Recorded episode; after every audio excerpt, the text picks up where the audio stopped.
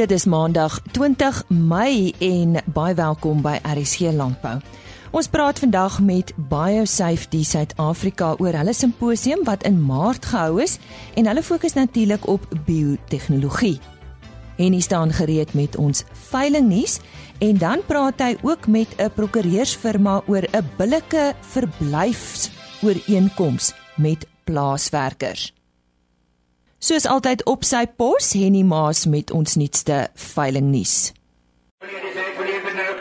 Hier is uh, nou weer nuus oor 'n uh, klompie veilings wat in die volgende dae plaasvind. Op die 22ste Mei is daar die Les Schulze Brondrich Bonsmara produksieveiling met Revelos Bonsmaras as gasverkopers. Dit vind plaas op die plaas Brondrich, oorigstad in Limpopo Daar is 30 bulle en 60 vroulike diere wat opgeval word deur BKB van Wyk. Vrug verster is die afslaer.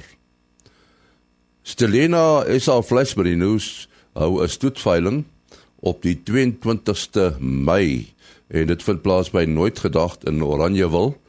Is al flesmerinos skape word opgeval deur BKB Louet.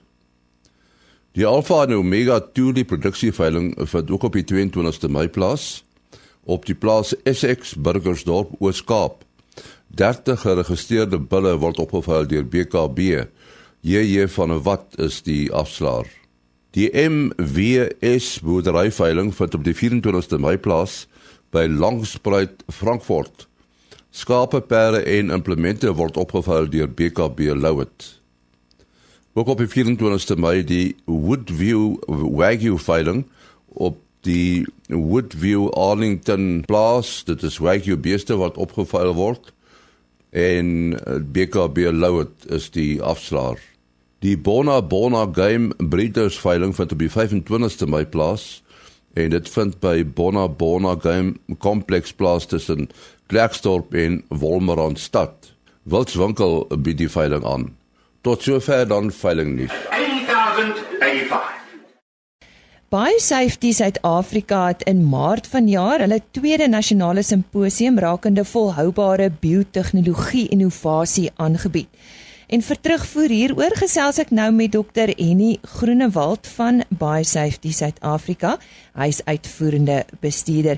Ja, en nie verskeie rolspelers in die biotehnologiebedryf het die simposium bygewoon. Wat is van die onderwerpe wat is bespreek is veral wat op landbou betrekking het? Goeiemôre. Goeiemôre Elise. Ehm um, ja, ek dink die die verband tussen rolspelers en die onderwerp wat ons uh bespreek het is die kruks van hierdie byeenkoms want dit is jy's een van die doele wat ons vir onsself daar stel met hierdie simposium is om mense wat betrokke is by volhoubare biotehnologie bymekaar te kry. So ons praat van tegnologieontwikkelaars, ons praat van die reguleerders, ons praat van mense wat kyk na volhoubaarheidsnavorsing en dan mense wat betrokke is by wetenskapkommunikasie. Al hierdie vier verskillende bene of rolspelers is mense wat 'n belangrike rol speel om volhoubare biotehnologie produkte in die mark te sit. So dan ten opsigte van landbou, ehm um, het ons spesifiek mense gehad wat vir ons bietjie vertel het wat is in die die, die groot ehm um, rolspelers internasionale landbou en biotehnologie ontwikkeling. Bietjie gesê waarmee hulle besig is en watter tipe van produkte hulle in vooruitsig stel. En dan het ons natuurlik ook 'n klomp mense wat gepraat het oor eh uh, die volhoubaarheid daarvan. So dit is meer algemene goed soos die insekte eh uh, wat ons na kyk as jy die BTF produk het, jy weet wat se die volhoubaarheid en die biodiversiteit ehm um, sake daar rondom bespreek. En dan selfs mense wat in Suid-Afrika betrokke is by die wetenskapkommunikasie om te sê hoe dra ons hierdie boodskappe oor na die algemene publiek toe aan die einde van die dag. Ehm um, dat die mense die die volledige prentjie het van hoe kom ons byvoorbeeld sulke produkte nodig het en laat ons nie net ons blind staar aan goed soos jy weet die onkruiddoders of die insekdoders en goed wat daarmee gepaard gaan nie maar laat ons 'n mooi prentjie kan vir hulle daar kan stel. Nou goed, kom ons praat oor van daai onderwerpe. Nou 'n spreker van die Universiteit van Pretoria, Dr Victoria Maloney van die Bosbou en Landbou Biotehnologie Instituut, het oor getekende genoomredigering gesels. Waarna verwys ons hier? Ja, dit is 'n saak wat redelik breed bespreek word op die oomblik want mense is opgewonde oor die nuwe tegnologie wat ontwikkeling. So jou antwoord lê soort van in die die spesifieke benaming daar genoem redigering verwys na nuwe molekulêre uh, instrumente wat ontwikkel is waar mens nou kan gaan in 'n selletjie en in daai genetiese ehm uh, samestelling van die selletjie kan verander tot spesifieke ehm uh, eienskappe tot uitdrukking te bring. So ek dink net as agtergrond vinnig moet mens sê mense besef dat uiteindelik die die eienskappe van gewasse of die plaasdiere wat ons gebruik is gebaseer op genetiese materiaal. En daai genetiese materiaal is natuurlik verander van ehm um, een generasie na 'n ander generasie toe. En dit is nie 'n stabiele struktuur nie. So ons kry mutasies natuurlik wat voorkom en dan kan jy byvoorbeeld iets beïnvloed soos een of ander kwaliteitseienskap, jy weet, is 'n vrug soeter of is die wang van die vrug rooier en daai tipe van dit is alles gebaseer op die genetika. So wat ons nou het as jy die navorsing doen, jy verstaan beter hoe daai genetiese materiaal en soort van inslag vind in die eienskappe van die produk. Dan kan ons nou gaan en sê ons het 'n produk wat byvoorbeeld uit al die eienskappe wat ons wil hê behalwys vatbaar vir, vir 'n spesifieke uh, siekte byvoorbeeld. En as ons nou van daai onderliggende weerstandbiedendheidsmeganismes verstaan, dan kan ons nou van hierdie nuwe instrumente gebruik om dan 'n genetiese veranderingkie in te bring wat dan hierdie nuwe eienskap tot uitdrukking kan bring. Met ander woorde, ons het dan 'n plan byvoorbeeld wat ook uh, weerstandbiedend is teen 'n spesifieke siekte wat ons teiken. Dan nou baie aktueel het uh, professor Annelien Du Plessis van Noordwes Universiteit ook 'n nuwe model wat die verspreiding en skade wat deur die herfskomando wurm veroorsaak word kan voorspel bekend gestel. Vertel ons meer hiervan, dis opwindend. Ehm um, ja, ek, hierdie tipe van navorsing val in die biotehnologie omgewing nou in daai volhoubaarheids uh, navorsing wat ons doen. So Noordwes Universiteit is is baie bekend vir daai tipe van werk wat hulle doen. Uh so die model is ehm um, as jy nou kyk na die herskomando wurm wat mos nou 'n relatiewe nuwe pes is in in Suid-Afrika en die res van Afrika ook. Hy kom oorspronklik van daar in Sentraal-Amerika af. So in die eerste plek doen die mense nou navorsing om te sê nou hoe die ding hier gekom, hoekom kom hy hierso? En as hy nou hier is, gaan hy nou vir altyd hier bly. Nou een van die belangrike goed van die herfskomandowurm is dat hy hy het 'n oorwinteringstydperk. En as hy net in die Hoëveld waar die meeste van die mielies nie goed geplant word, as hy net daarvan af sou afhanklik wees, sou hy in die eerste winter heeltemal uitgesterf het want hy kan nie oorleef by daai lae temperature nie omdat dit 'n tropiese en 'n subtropiese tipe insek is. So die modelle wat Annelene nou gebou het is om te gaan kyk in die eerste plek in Sentraal-Amerika, dan stel hulle 'n model saam wat nou kyk na die temperature en al die ander belangrike aspekte van die omgewing wat nodig is vir die insek om te oorleef. En dan vat hulle daai model soort van hulle leer hulle model om te sê in so 'n omgewing sal die insek kan oorleef. En dan vat hulle die model en pas hom nou toe in Suider-Afrika. En dan die belangrike uitkoms van so 'n model is wat hulle gevind het is dat in die ooskus van Afrika deur Mosambiek en selfs so ver as die noordelike dele van die Oos-Kaap is daar so dun deeltjie waar die winters gematig genoeg is laat die herskomando wurm kan oorleef. So wat dit beteken is in die winter gaan die herskomando wurm veg in die tradisionele mielieverbouingsareas, maar hy sal oorleef na areas. So sodra die somer kom en hy ehm um, word kry weer van die volwasse insekte, die motte wat kan vlieg, dan kan hy baie vinnig eintlik, hy's relatief naby aan die mielieverbouingsareas.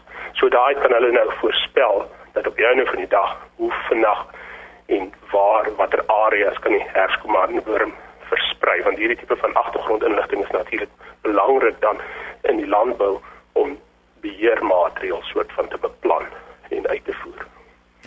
Dan die volgende onderwerp is BT gewasse. Daar word ook steeds navorsing gedoen daaroor. Wat se terugvoer het julle rakende die onderwerp tydens die simposium ontvang nie? Ja, dit is weer spesifiek dit was ehm um, werk wat Nadine Skutte is een van die studente van Prof Johnny van der Berg op by Noordwes Universiteit wat sy doen. So BT gewasse spesifiek BT mielies natuurlik is baie bekend onder die landbouers van Suid-Afrika maar ons het nog nie 'n BT sojaboontjie gehad. Die man is besig om 'n uh, soort van die navorsing te doen, die volhoubaarheid en die risikoassesserings van die nuwe kultivar wat hulle wil vrystel in Suid-Afrika. So nou weer eens as jy wil kyk na die volhoubaarheid, dit BT natuurlik gee vir jou insekweerstandbiedendheid. So met ander woorde, as jy 'n van 'n insekpes wat jy wil beheer in die sojaboontjies. Maar natuurlik is nie die pes insekte wat in die sojaboonlande voorkom nie. Daar's 'n klomp voordelige insekte ook wat jy nie wil uh, benadeel nie.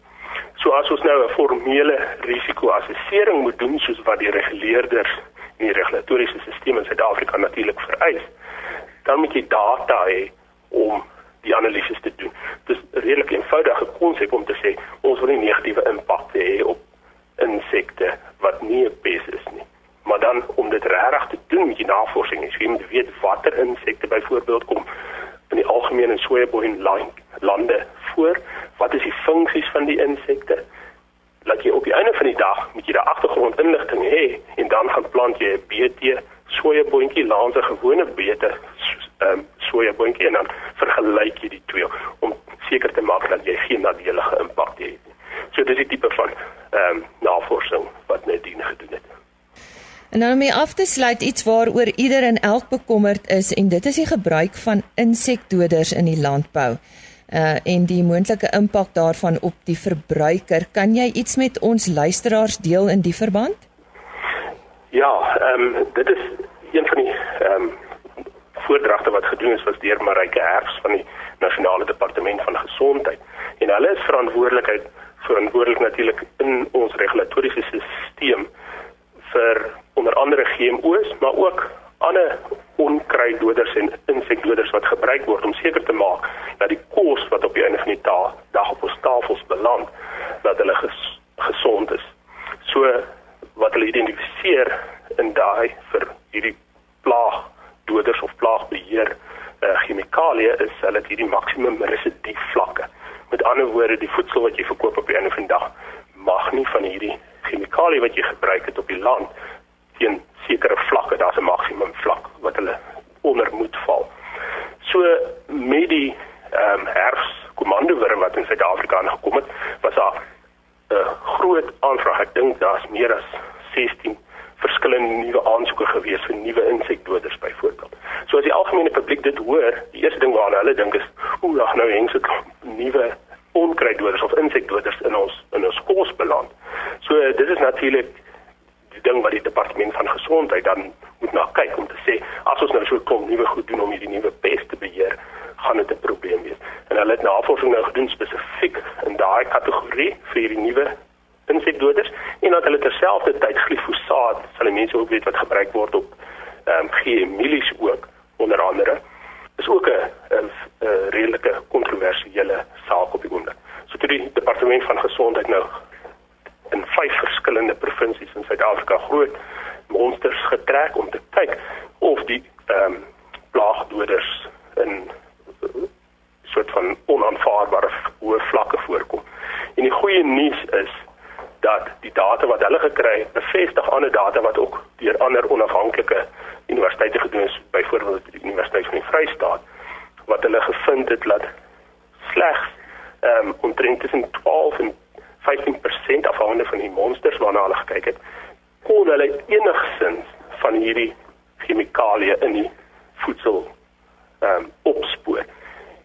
En wat ek net vinnig moet verduidelik is daar's 'n maksimum 'n minimum level waar mens goed moet uh, kan bepaal met die uh, deteksie tegnieke wat ons het. So partykeer kan jy dit nie eens sien nie. So sleg en 14% kon hulle dit sien en in daai 14 wat hulle dit kon wel sien is daai vlakke nog steeds tussen 20 en 100 maal laer gewees as die wet se voorgeskrewe vlakke. So ek dink die soort van uiteindelike boodskap wat daar uitkom is dat ons voedsel wat geproduseer word selfs wanneer van hierdie plaagdoders gebruik word is baie veilig in Suid-Afrika. Nou ja, daardie hoogtepunt en goeie nuus sê ons uh, baie dankie aan Dr. Henny Groenewald. Hy's uh, uitvoerende bestuurder van BioSafety Suid-Afrika en hy het met ons gedeel wat is tydens hulle tweede nasionale simposium vir jaar in Maart maand bespreek vir al wat uh, op landbou betrekking het. Ons gaan nou gesels oor 'n billike verblyfooreenkoms met plaasbewoners wat noodsaaklik is en daaroor praat ons met uh, Clarissa Pinaar van Moelman en Pinaar ingelyf. Clarissa, dit is seker noodsaaklik dat mense een of ander ooreenkoms opstel, né? Nee? Amenie, dit is inderdaad so. Um, ek sal ek ek wat in wat sal volg in hierdie gesprek sal dit vir jou duidelik wees waarom ons so sê. En ehm um, as 'n aanvangspunt is dit belangrik om te net net dit aan die luisteraars uit te wys dat verblyfreg op plase, sowel as die verhouding tussen okkupeerders en grondeienaars deur die wet op uitbreiding van sekerheid van verblyfreg gereguleer word. Sodra grondeienaar toestemming aan 'n persoon verleen om op 'n plaas te woon, kry daardie persoon sekere verblyfregte of kry daardie persoon verblyfregte op die plaas. In hierdie verband onderskei ESTA tussen drie kategorieë regte, naamlik grondwetlike regte wat menswaardigheid, privaatheid, vryheid van beweging ensovoorts insluit. Die tweede kategorie regte is ehm um, wat spesifiek deur ESTA verleen word. Uh dit is byvoorbeeld die reg op 'n familielewe, ooreenkomstig die persoon se geloof en kultuur, die reg om bona fide besoekers te ontvang, Die derde kategorie regte is waaroor daar spesifiek bewyse van 'n ooreenkoms het sy mondelings of skriftelik tussen die okkupeerder en die eienaar ooreengekom is. Hierdie regte val natuurlik die grondwetlike regte soos wat ek voorheen genoem het, sowel as die statutêre regte aan. Ek stel bepaal dan verder spesifiek dat 'n okkupeerder die reg het om grond te bewoon en te gebruik en ook die okkupeerder toegang het tot dienste waarvoor daarmee die eienaar en persoon beheer ooreengekom is. Um, ons is van mening dat dit natuurlik gesonde besigheidspraktyk is om 'n geskrewe verblyfsooreenkoms met okkupeerders te sluit, aangesien mondelinge ooreenkomste heel dikwels tot dispute aanleiding gee, wat dan natuurlik in litigasie sal ontaard. Die verblyfsooreenkoms reguleer die verhouding tussen die eienaar en okkupeerder en beide weet presies wat die terme van die ooreenkoms toelaat en wat word nie in terme van die ooreenkoms toegelaat nie. In hierdie verband bevat ESTA ook 'n spesifieke bepaling wat daarop neerkom dat indien daar van die okkupeerder verlang word om afstand te doen van een of een of twee van sy regte vir verskeie regte. Sou daardie afstanddoening nietig wees tensy dit deur die hof bekragtig is of tensy dit deur ESTA toegelaat word. Verder bepaal ESTA dan ook verder dat enige ooreenkoms waar kragtens die okkupeerder se regte ingeperk word deur die hof in ag geneem kan word, maar dat die hof glad nie gebonde is aan daardie ooreenkoms nie. Wat sou uh, van die moontlike klousules in so 'n ooreenkoms wees? En nie um, so, om om om vir 'n voorbeeld te gee, een van die klousules wat ons voorstel is dat die persoon wat toestemming het om op die, om op die plaas te woon behoorlik omskryf moet word. Die rede hiervoor is dat die ESTA wet het 'n spesifieke bepaling artikel 35 van die wet wat wat daarop neerkom dat 'n persoon ononderbroke vir 'n tydperk van 3 jaar lank op die plaas woon, daardie persoon geag toestemming uh, te hê van 'n plaas van die van die plaas um, eienaar. Dit beteken indien nou oor inkomste gesluit is met die okkupeerder, net daardie persoon toestemming het en ter op rekord geplaas. Daarbenewens, soos ek voorheen genoem het, het die okkupeerder dan ook 'n reg op 'n gesinslewe. In terme van artikel 6 van die wet die reg dit dit hou daar dit kom daarop neer dat persone slegs uit hoofde van 'n familieverbintenis met die okkupeerder op die plaas kan woon. En dit is ook nou waar die bepaling van artikel 35 inkom. Dat indien 'n uh, persoon nie geïdentifiseer is as 'n afhanklike of 'n familielid van die okkupeerder nie, kan dit geïnterpreteer word dat daardie persoon na verloop van tyd ook as 'n okkupeerder geklassifiseer kan word. Dit is waarom dan ons dan ook voorstel dat die persone spesifiek gelys word wat as familielede saam met die okkupeerder woonagtig is. Dan verder staan ons voor dat die okkupeerder se verpligtinge gestipuleer moet word. Hierdie verpligtinge sluit in dat die okkupeerder nie enige deel van die struktuur onder uh, verhuur nie.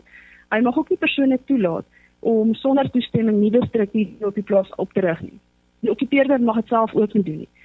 Dit is ook om hierdie rede waarom ons voorstel dat die struktuur en ook die GPS koördinate behoorlik geboekstaaf word aangesien dit dikwels gebeur dat plaasbewoners nuwe strukture sonder die toestemming van die eienaar oprig. Die okkupeerder het dan ook 'n reg om bona fide besoekers te ontvang maar kan die kan die eienaar natuurlik in hierdie ooreenkoms redelike voorwaardes uh, in die ooreenkoms stel. Byvoorbeeld, die eienaar kan in die ooreenkoms stel dat die besoekers by die plaasbestuurder moet aanmeld en die plaasbestuurder van sy of haar identiteitsdokument of bestuurderslisensie moet voorsien.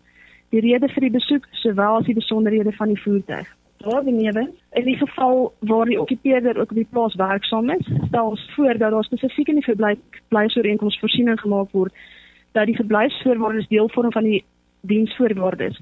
Indien die okkupeerder homself dan skuldig maak aan die verbreeking van verblyfsvoorwaardes, sal daar dan ook ehm um, dissiplinêr teen die okkupeerder opgetree kan word. Wat die aanhouding van vee aanbetref, staan ons voor indien die okkupeerder geregtig is om vee aan te hou, dat daar behoorlike die ooreenkoms voorsiening gemaak word vir byvoorbeeld die veegetalle, behoorlike omskrywing van die vee, die verant die okkupeerder se verantwoordelikheid van die vee en die veiding ooreenkomstig die bepalinge vir die wetbewaring van landbouhulpbronne, sowel as die spesifieke area waar die vee toegelaat sal word te wy. Um die voorgestelde wyse hierdie om 'n verblyfsooreenkoms in plek te kry is om eerstens 'n konsepooreenkoms op te stel vir die doel van onderhandelinge. Daarna stel ons voor dat 'n versoek aan die departement van landelike ontwikkeling gerig word om om betrokke te raak by die onderhandelinge en om hierdie proses te fasiliteer. Elke streekskantoor van die gemelde departement beskik ook oor opgeleide persone uh, wat spesifiek voorsien verantwoordelik is vir kwessies wat voortspruit uit verblyf op plase. Die departement sal dan versoek word om die proses te fasiliteer. Daarna behoort die departement uh, en die okkupeerder sowel as die eienaar van die grond op 'n geleë datum bymekaar te kom en dit mag dalk ook moontlik wees om 'n tolk teenwoordig te ten einde voorsiening te maak vir enige um, dispute wat moontlik uit die kan voortspruit uit die okkupeerder um, se moontlike ongeletterdheid of die feit dat hy nie Afrikaans verstaan nie. Sodra die ooreenkoms dan behoorlik bemiddel is en ook deur die okkupeerder en die eienaar onderteken is, staan ons voor dat die departement of die beampte wat namens die departement die proses gefasiliteer het, ook 'n sertifikaat aanheg dat waarin hy bevestig dat die ooreenkoms vrywilliglik sonder dwang en sonder onbehoorlike beïnvloeding onderteken is. Ja, en die oogmerke van die sluit van die ooreenkoms hier is net en al om te alle tye ehm um, regsekerheid vir die partye te bewerkstellig. Net om net om weer aan te sluit by by die doel van die ooreenkoms is indien die indien die okkupeer indien die eienaar wil voortgaan om die verbyvraag van die okkupeerder op die plaas te beëindig en hy baseer die beëindiging van die verblyfreg op die uh, verbreeking van die van 'n ooreenkoms moet die ooreenkoms of die bepalinge wat verbreek is billik wees en moet die okkupeerder of moet die eienaar ook self voldoen aan die bepalinge van die ooreenkoms. Nou ja, ons sê baie dankie aan Clarissa Pinaar van Wolman en Pinaar ingelyf wat gesels het oor hierdie billike verblyfooreenkoms met plaasbewoners wat noodsaaklik is. En dit is dan al vir vandag, maar voor ons groet, Cape Wool Suid-Afrika het slenkdalkoors geïdentifiseer as 'n risiko vir volhoubare ekonomiese wolproduksie en het riglyne vir inenting teen slenkdalkoors opgestel. Hierdie riglyne moet egter steeds as algemene riglyne beskou word.